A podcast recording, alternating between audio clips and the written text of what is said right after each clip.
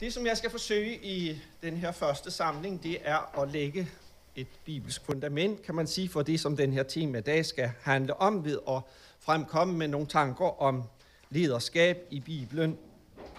Vi skal prøve at hjælpe hinanden til at se, hvad der er vigtigt i Bibelens syn på, på lederskab, eller det man også skal kalde for åndeligt lederskab.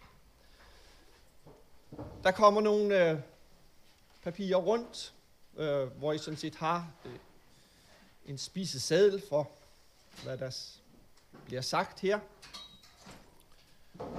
Og så kan I jo eventuelt skrive jeres notater yderligere til på det papir. Hvis nogen vil have det øh, elektronisk, så kan de komme til mig øh, bagefter og bede om at få det, så skal I få det tilsendt. Først vil jeg gerne sige noget om lederskab i kirken i forhold til værtslig ledelsesteori eller ledelsesfilosofi. Der er nemlig ingen tvivl om, at vi kan lære en hel masse, også i kirken, gennem at studere almindelige værtslige ledelsesprincipper og teorier.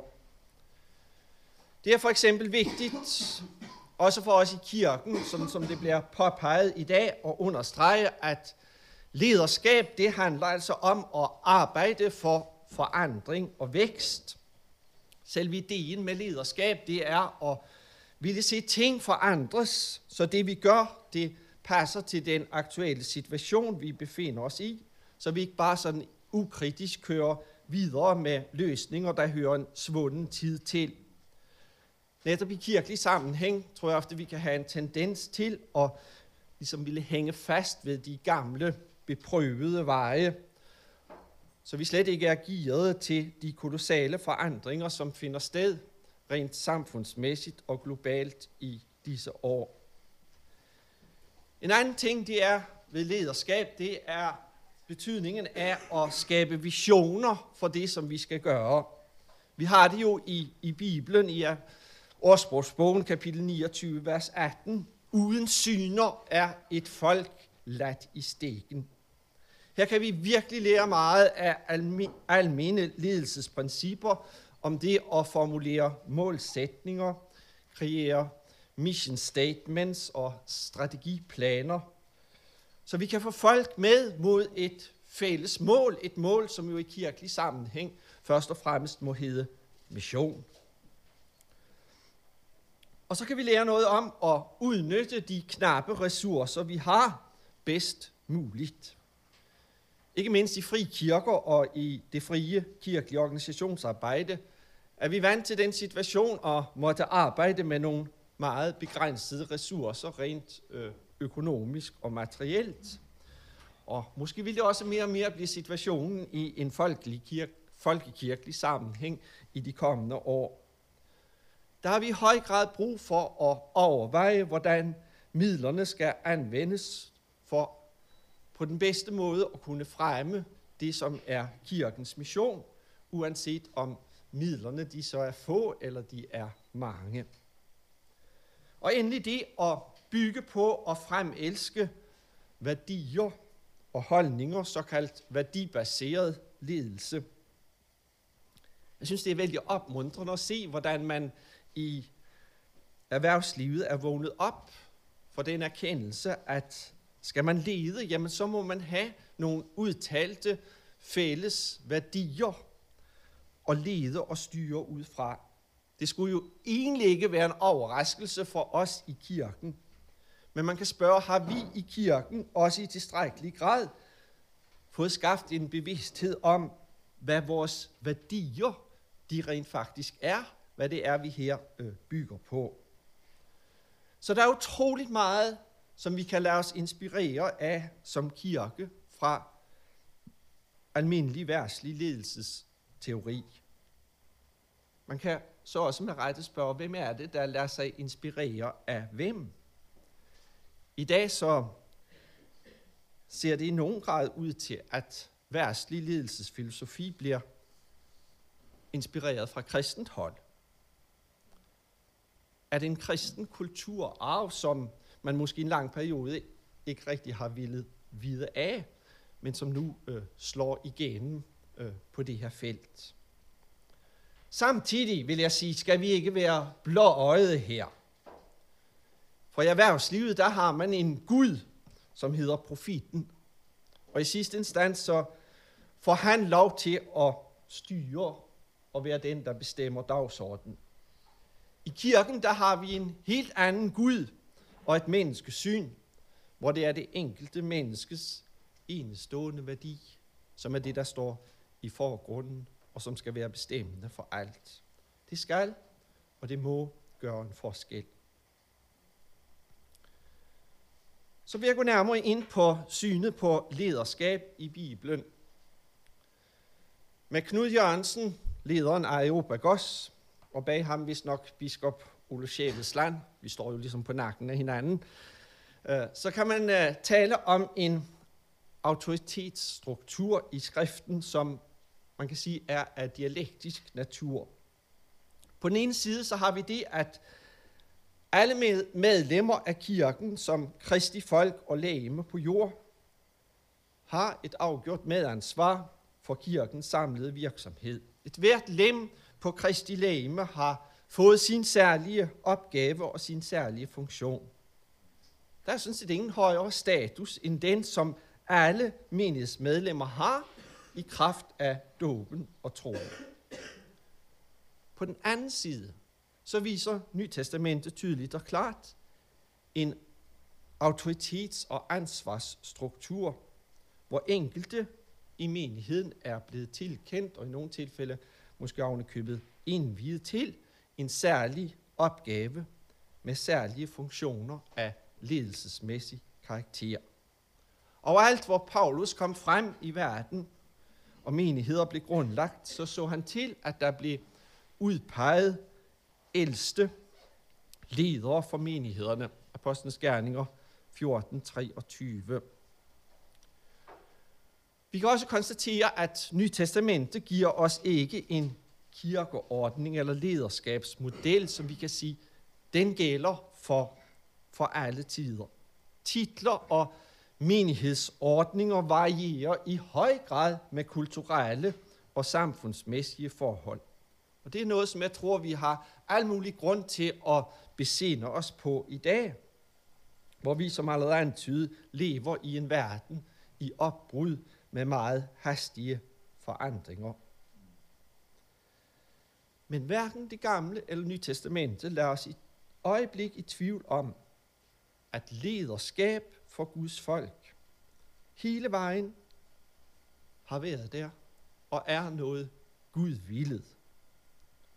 Situationen på dommertiden i det gamle testament i Israel er et, kan man sige, et skræmme billede på det modsatte. En hver gjorde, hvad han fandt for godt. Og egentlig i den tid, der måtte Gud så oprejse sig nogle ledere i prekære situationer, hvor der var brug for det. At ledere for Guds folk, så ikke altid har ledt folket i det, som virkelig er efter Guds vilje og i overensstemmelse med hans normer og standarder. Det er en anden sag i Israels historie, synes det modsatte nærmest snarere at være reglen. Men det ændrer ikke noget ved, at Gud vil lederskab. Han vil et lederskab, som er efter hans hjerte, efter hans vilje. Et klassisk eksempel, hvor det bliver eksplicit udtalt, er i 4. Mosebog, kapitel 27. Situationen er den, at Moses må erkende, at hans egen tid som leder for Israels folk nu kun er kort. Og i den situation, der forstår han at bede en bøn, som er efter Guds vilje. Når han beder, måtte Herren Gud, der giver alle skabninger livsånde, indsætte en mand over menigheden, som kan drage ud og hjem i spidsen for dem, føre dem ud i krig og hjem igen, så Herrens menighed ikke bliver som for uden hyrde. Og så er det, at Herren svarer Moses, tag Josva, Nuns søn, en mand, som har ånd i sig, og læg hånden på ham. Fremstil ham for præsten Eliaser og hele menigheden, og indsæt ham i deres nærvær. overdrag ham noget af din myndighed, så hele israeliternes menighed adlyder ham. Og senere bliver det så sagt, på hans befaling skal de drage ud, og på hans befaling skal de vende hjem, han og alle israelitterne, hele menigheden. Af det her afsnit, der fremgår det klart, for det første det, at Gud altså vil lederskab. Herrens menighed skal ikke være som for uden hyrde. Det andet, vi kan lægge mærke til, det er, at Gud lægger helt afgørende vægt på karakteren hos den, der skal lede. En mand, som har ånd i sig. Intet er vigtigere. Det er ikke nok med kundskab. Det er ikke nok med generelle lederevner. Det er karakteren hos den person, som skal lede, der er det vigtigste. Hans integritet som person er det, der går forud for alt andet.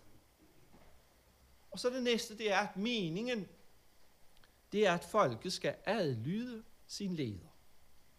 Der er magt og autoritet forbundet med lederskab.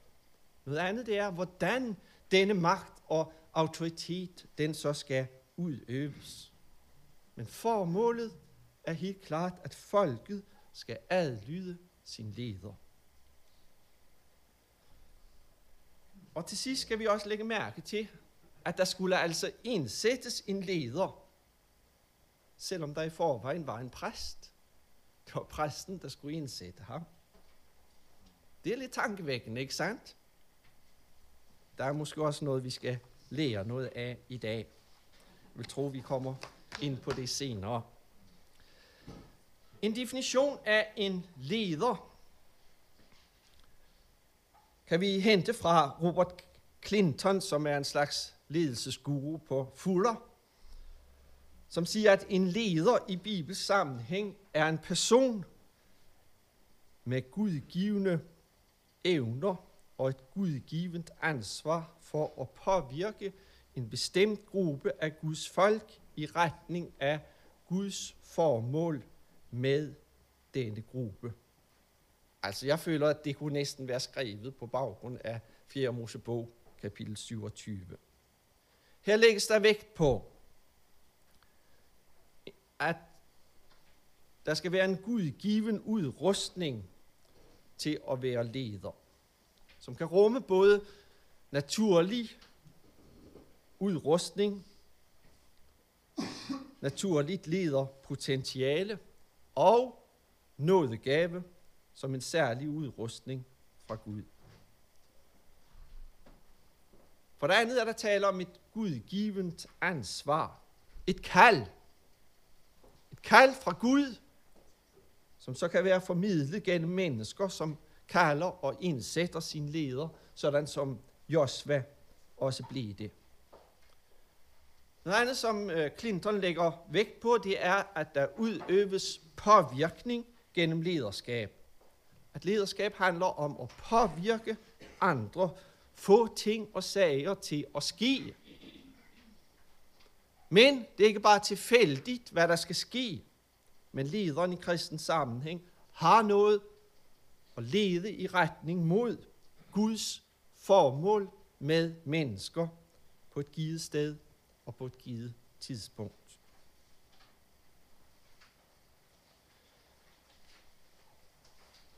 Vi skal nu så gå over til at se på fire bibelske modeller for en leder. Vi har nu set, at ifølge Bibelen er det vigtigt, at der udøves lederskab i kirken.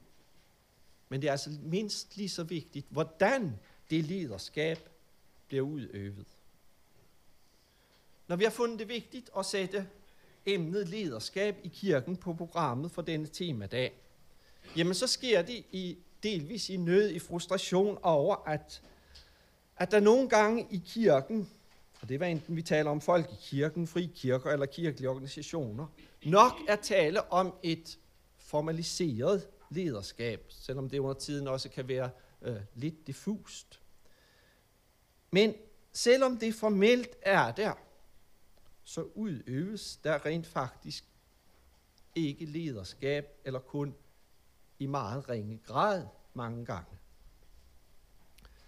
Men lige så alvorligt, eller endnu værre, er, at der er sammenhænge i kirken, som kan have stor syn for lederskab, men hvor lederskab er blevet en afart af lederskab. Hvor det i virkeligheden kommer til at handle om manipulation af mennesker, og det hele det er endt i ufrihed og fortryk. Det her det betyder, at der er brug for at besinde sig på, ny besene, sig på det bibelske syn på lederskab. Og her har jeg valgt øh, fire modeller eller billeder, som jeg finder sammenlagt, øh, ligesom dækker det meste, i hvert fald en. Det er typisk for Bibelen, at øh, vi har sådan konkrete billeder for lederskab, og ikke bare nogle teorier. Det kompletterer så af en masse bibelske eksempler i både Gamle og Nye Testamente på mennesker, som udøver godt lederskab, for de findes heldigvis også i Bibelen. Den her gennemgang, den må blive øh, relativt kort og summarisk, men jeg håber, at den kan give lidt stof til eftertanke. Den første model, jeg vil stanse for, det er tjenermodellen. Umiddelbart så styrer menneskers tanker om lederskab i retning af, at her sker der udøvelse af autoritet og af magt. Lederen er den, der sidder øverst oppe i pyramiden, som den, der, der bestemmer over andre, udøver indflydelse over andre, skal påtale, når noget går galt, og være bossen, der ligesom svæver over vandet og se til, at alle nu også gør, hvad de er sat til. Og vel, der er tale om magt og øve påvirkning af andre i lederskab.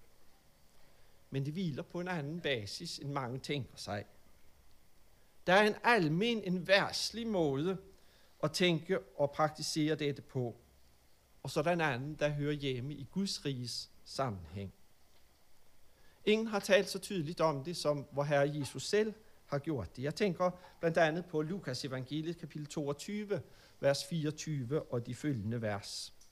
Her er situationen, at disciplene er kommet op og skændes om, hvem af dem, der egentlig skal regnes for at være den største. Og det er lige efter den højheldige stund i nadversalen. Det har været rystende for Jesus at være blevet vidne til det her det får ham til at trække modsætningen op mellem verdens måde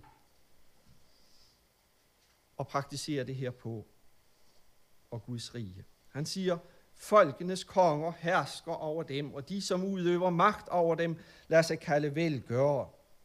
Sådan skal det ikke være, men den ældste blandt jer skal være som den yngste, og lederen som den, der tjener. Og så tilføjer Jesus, og jeg er iblandt jer som den, der tjener. I skriften er lederen først og fremmest en, der udøver tjeneste i sin ledergærning. Hierarkierne og pyramiderne brydes ned langt på vej, vendes på hovedet nærmest. Størst er den, som tjener. Ikke bare den, der lader sig betjene af andre. Det mest almindelige græske ord for leder, hodegos. Det bruges faktisk meget sjældent i Nyt Testament. Og det er sikkert, fordi det simpelthen er for belastet.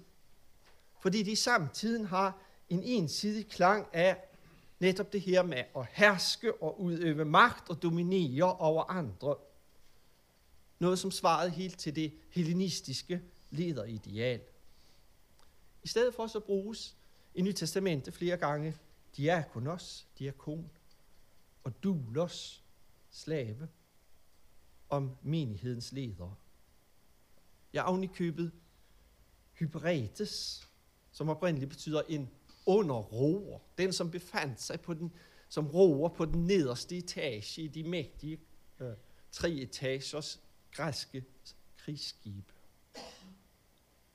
Paulus bruger betegnelsen som sig selv og de andre apostle i 1. Korintherbrev, i modsætning til de ledere, der kom til Korinth og nærmest kappede indbyrdes om at blive respekteret og adlydt at blive betragtet som noget stort.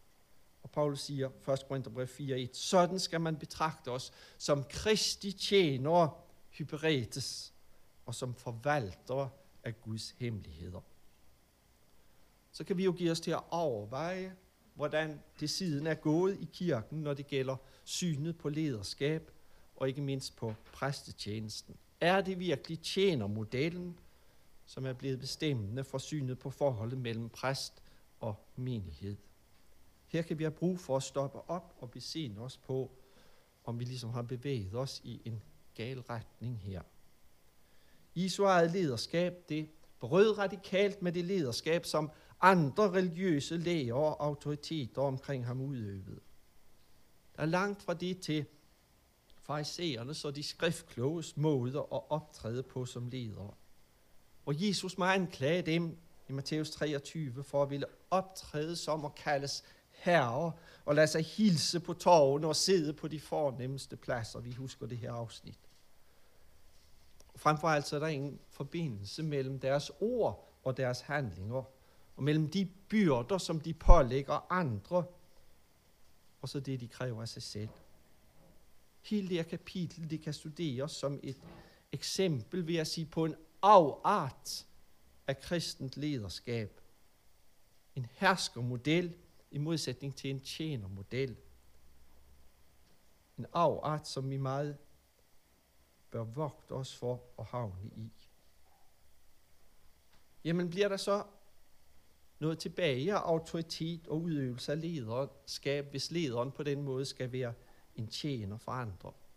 Der er svaret, at lederskabsrollen og autoriteten forsvinder ikke.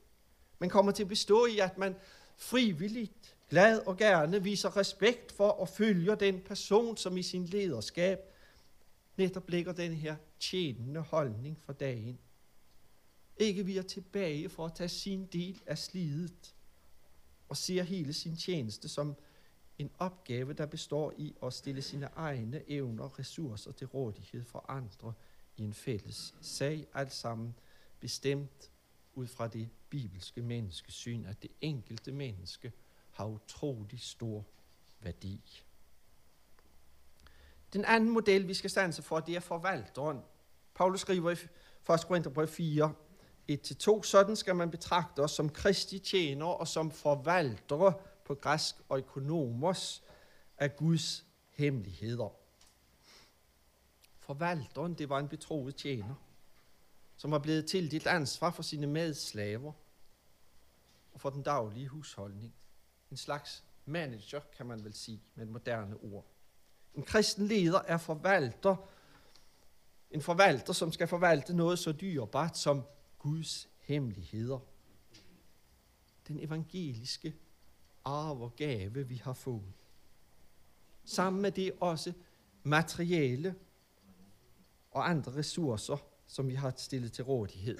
Jesus taler i Matthæus 24, 45 om tjeneren, som har fået betroet ansvar for at give hans folk deres kost i rette tid. Det synes jeg er et talende udtryk for, hvad opgaven egentlig består i for os, indtil vores Herre kommer tilbage. Hvad kan vi lære specielt af den her betegnelse som kristne leder i dag? Jo, vi kan lære noget om, at vi skal være optaget af det og imødekomme andres behov. Ikke primært tænke på os selv, men på de andre og det hus, øh, som vi har fået betroet et særligt ansvar for. Og kalkulere, beregne og tilrettelægge og sætte system, så ressourcerne kan blive bedst muligt udnyttet. Og så skal vi uddelegere opgaver og oplære andre. Husholderen skulle ikke selv gøre arbejdet. Hans opgave bestod i at sætte andre i sving, oplære dem og siden følge dem med råd og død og oplæring i tjenesten. Det er en uendelig vigtig side af lederopgaven, at vi selv giver det, vi fik, videre til andre. Og herunder viser andre den fornødne tillid, så de kan vokse med det ansvar, som de får betroet. Som Paulus formaner Timotius til i 2. Timotius 2, 1-2. Hvad du har hørt af mig i mange vidners nærværelse, skal du betro på lidelige mennesker, som vil være duelige til også at undervise andre. Her er der faktisk fire led, hvis man lægger mærke til i den her stafet. Fra Paulus til Timotius, og fra ham til andre, som igen i sin tur kan være med til at undervise andre igen. Det er ikke bare evangeliet selv, det handler om her, men også opgaven med det at give evangeliet videre. Specielt vi, som nu måske er blevet ældre ledere, vi skal være enormt optaget af at give det, vi selv fik, videre til en ny generation af ledere. Så med deres kendskab til og egen delagtighed i den kultur, som vi har nu, vil være i stand til at spille en aktiv rolle i missionen ind i vores tid. Men betror vi dem også det, kan vi spørge. Vi som engang i måske 60'erne og 70'erne var de nytænkende og kreative i missionen, er vi nu blevet de noget bagstræberiske, konservative typer, som ubevidst kommer til at hindre kirkens mission ind i en postmoderne kontekst. Jeg har netop holdt en studieårlov, hvor jeg har blandt andet studeret den her bog af Eddie Gibbs, også fra Fuller, uh, Leadership Next. Han siger en masse om, at kirken i dag med de hastige forandringer, som finder sted, befinder sig i en uhyre vanskelig situation. På mange måder en fuldstændig uforudsigelig situation. Og skal vi tage vores missionale kald alvorligt, så er der brug for unge ledere, som kender den her kultur indefra, som vil løbe risikoen ved at gå nye veje og eksperimentere i mødet med mennesker i dag. Der er brug for at danne teams, som med forskellige kompetencer kan møde kirkens højst forskelligartede udfordringer i vores tid. Og så også udfordre os mere traditionelt tænkende ledere og kirker til at følge med i det, der sker og støtte kirkens mission i dag. Det gav mig noget at tænke over, som jeg næsten kunne bruge en hel studieoverlov på.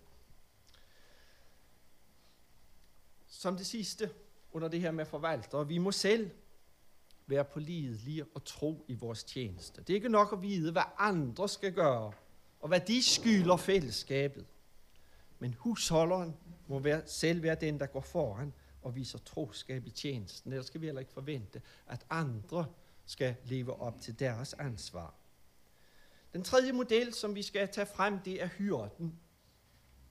Måske det er den, der taler allerstærkest til os. Det her billede bliver jo brugt hele vejen gennem skriften om lederen. Men ofte har vi, tror jeg, alt for glansbilledagtigt billede af hyrdelivet. Helt bogstaveligt, for vi fik det jo som glansbilleder i søndagsskolen. Hyrden, der hviler på engene, mens forerne de græsser fredeligt rundt omkring ham. Men ved I hvad? Hyrdelivet, det var virkelig en barsk bestilling. Det var ikke for ingenting regnet for et arbejde for den allerlaveste samfundsgruppe. Det var det sidste arbejde, jobcentret ville henvise til. Det var med villighed til at arbejde dag og nat for forårenes vi og vel. Og det var ofte med livet som indsats, man gik ind til det arbejde. Netop det billede er Bibelens foretrukne billede for åndeligt lederskab. Det synes jeg er tankevækkende. Og det er forfærdeligt, når hyrderne de så svigter. Jesus så og oplevede det, Matthæus 9:36, da han så folkeskarne, ynkedes han inderligt over dem, for de var vandrygtede og forkommende, som får uden hyrde. Vi kender sikkert også den situation, som er skildret i Ezekiel kapitel 34, som handler om Israels dårlige hyrder, hyrder i anførselstegn, som har ladt jorden i steken for i stedet for bare at være optaget af sig selv. Vi Israels hyrder, som vogter sig selv, skal hyrden ikke vogte for. I spiser det fede, ulden bruger I til klæder, og de fede dyr slagter I. Men I vogter ikke forerne, må Herren sige til disse hyrder. som har position af præster og profeter og dommer i folket.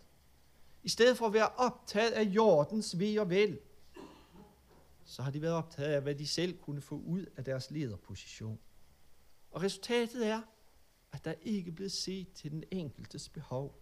De svage har ikke styrket, de syge har ikke helbredt, og de kvæstede har ikke forbundet, de bortkomne har ikke ført tilbage, de vilfarne har ikke let efter, og de stærke har I underkudet med vold.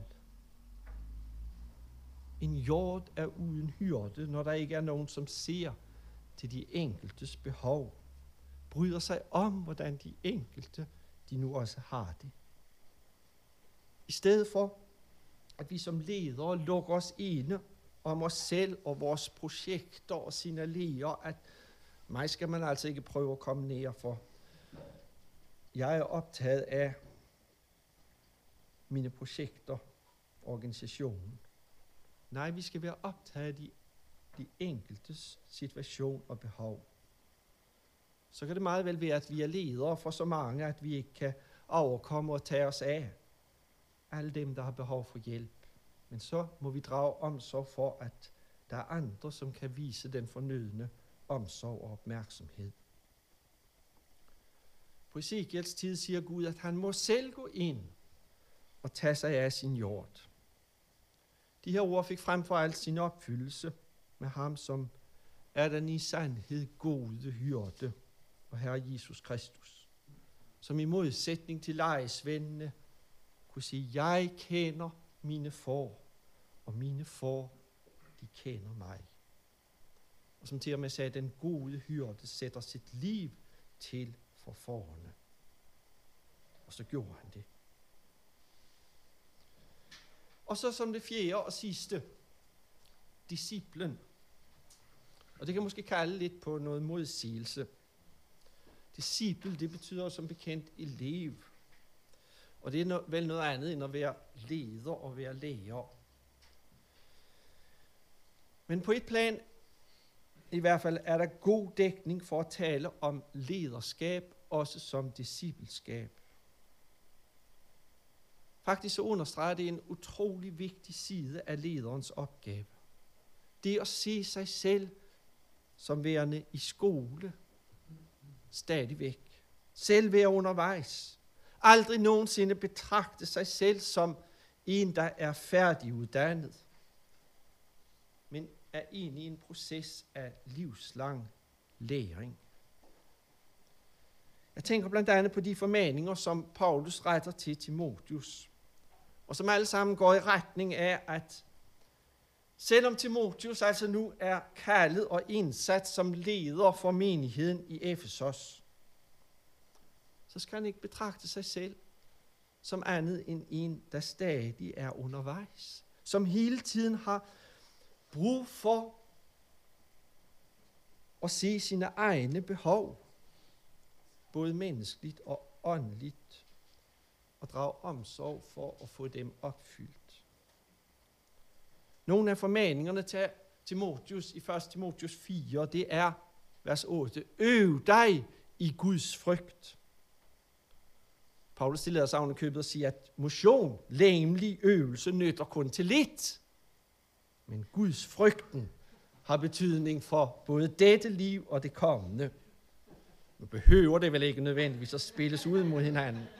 Men man kan jo tænke noget over, hvor meget vægt vi i dag lægger på øvelse for vores krop. Men hvad med det indre liv, karakteren? Opøvelsen af den. Vær et forbillede for de troende, hedder det videre i vers 12. Og Paulus nævner i tale, i adfærd, i kærlighed, i troskab, i renhed. Det er simpelthen et livslangt program, der her taler om, som vi aldrig, aldrig, aldrig må blive færdige med. Og så det næste, forsøm ikke din nådegave, og lad alle se, at du gør fremskridt. Vers 14-15. Tro ikke, at du med dine store gaver ikke skulle have mere at lære. Og endelig giv agt på dig selv og på din undervisning, vers 16. Hvorfor siger Paulus, at en leder skal give agt på sig selv? Ja, det kunne der være meget at sige om. Men en af siderne, det er i hvert fald, at lederen er et favoritmål for sataniske fristelser. Fristelser ikke mindst til begær efter og misbrug af magt, sex og penge. Giv agt på dig selv og på din undervisning. Kort sagt, dem som vi er med til at lede, de må altid mærke den holdning hos os, at vi selv er optaget af at lære os mere. At vi erkender vores egne menneskelige og åndelige behov for stadig oplæring, for stadig påfyldning. At vi har en indre hien og trang efter det. Så vil jeg slutte med at fortælle om en lille oplevelse, som jeg havde for en hel del år siden. Der skrev jeg en lille bog om lederskab. Det var en studieoverlov, som jeg havde, da jeg var generalsekretær i KFS. Det blev til en bog, der hedder Lederen, Boss eller Tjener, som udkom der for mange år siden på Credo Forlag. I den har jeg også et afsnit om, om lederen som den, der er eksempel for andre. Jeg skrev det blandt andet ud fra 1. Timotius 4, og være et eksempel i kærlighed, troskab og renhed. Og jeg synes egentlig, det var forfærdeligt hårdt at skrive den her bog. Og ikke mindst det her kapitel, som handlede om, at lederen skulle være et eksempel for andre. For det gjorde jo, at fokus også hele tiden blev rettet indad mod mig selv og min egen, min egen ledergærning. Og hvordan er du selv, Ingolf, i de her forhold? Det synes jeg var tungt. Da jeg så tænkte, at nu jeg havde skrevet det her afsnit færdigt, så tænkte jeg alligevel, nej, nu vil jeg lige slå op øh, i sådan en bibelordbog, for at se, om der er noget, jeg eventuelt har overset eller glemt, når det gælder det her med at skulle være eksempel for andre. Og så kom jeg frem til 1. Timotius kapitel 1, vers 15-16, hvor der står, For Kristus Jesus kom til verden for at frelse syndere, og af dem er jeg den største.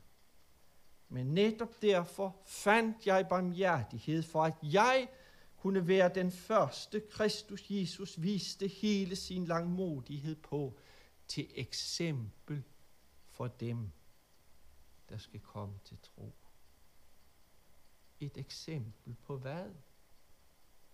Jo, på Guds store nåde og barmhjertighed over for syndere. Sådan ser Paulus på sig selv som et eksempel på Guds barmhjertighed mod syndere. Og så var det, jeg måtte sige til mig selv, yes, det er også det, som du først og fremmest skal være i din ledergærning. Et eksempel på Guds barmhjertighed.